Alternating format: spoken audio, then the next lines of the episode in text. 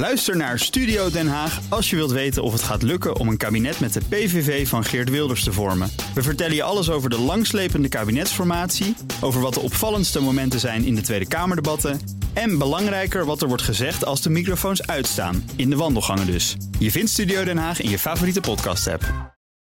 De column van Bernard Hammelburg.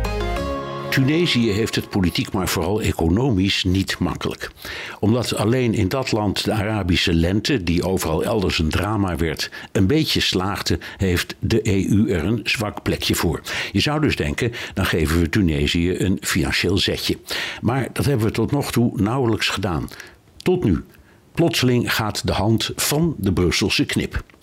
De sectoren landbouw, energie en toerisme krijgen een Europese financiële injectie van een miljard euro.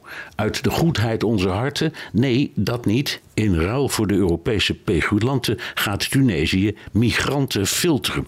Hoe dat precies gaat werken is nog onduidelijk, maar de hoop en verwachting is dat ze migranten gaan tegenhouden en jacht maken op de mensenhandelaren die de oversteek in gammele bootjes naar bijvoorbeeld Italië regelen. Een soort Turkije-deal dus, hoewel we die vergelijking van de politiek niet mogen maken. Misschien omdat Tunesië maar 1 miljard krijgt en Turkije de EU in 2016 liet tekenen voor 6 miljard. Dat was andere koek.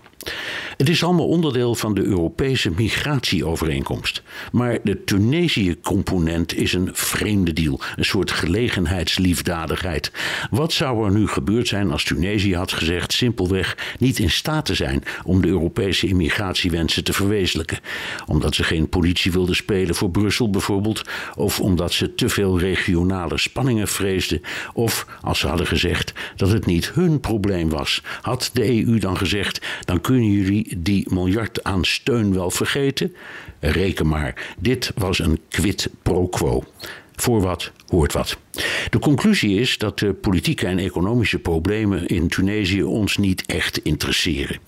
Wat ons interesseert is minder ter apel tafereelen. We zijn wel goed, maar niet gek. De grote vraag is of het gaat werken. Kan Tunesië de deal waarmaken? En wat doen we als het niet lukt? Of, wat Turkije destijds ook heeft geprobeerd, aldoende voor te rekenen dat er echt geld bij moet. Het wordt weer een spannend hoofdstuk in het migratiedrama.